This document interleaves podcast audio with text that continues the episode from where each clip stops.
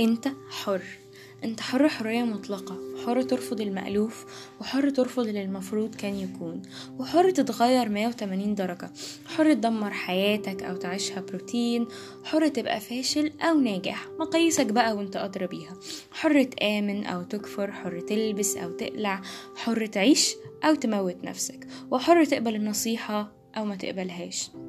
كل دي حرياتك اللي بتكفلها ليك المادة 19 من حقوق الإنسان حسب منظمة الأمم المتحدة.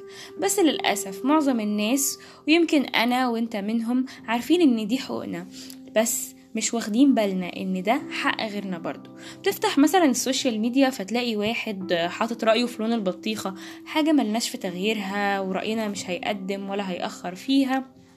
فينهال عليه سيل المعارضين بالشتايم والتريقة والسخرية والموضوع أصلا فاكس يعني. يعني أكيد في قضايا ما ينفعش فيها السكوت ولازم دايما نسمع الرأي والرأي الآخر بس هو لازم في كل حاجة. يعني لو حد اتكلم بعكس فكرتك تسخر منه وتهاجمه وتشتمه نتريق على الأحلام أحلام الناس العادية حاجة حد بيحلم بيها مفيش فيها أي مشاكل. وكلام الناس لحد ما كله بقى بطل يتكلم وفضل السكوت وبطل ينام عشان بيبطل يحلم بالمرة. وكتير بقى متردد. كان ممكن يقول حاجات كان ممكن تفيد وتفرق. بس بقى خايف بطل يفكر ويبتكر وبقى يمشي جنب وجوه الحيطة كمان.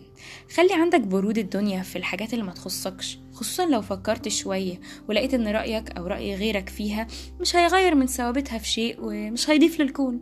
وهتيجي في الآخر تقولي وانتي مالك؟ ما أعمل اللي أنا عايزه أنا حر. هقولك برضو أنا حرة واخترت اقولك الكلمتين دول. تشاو.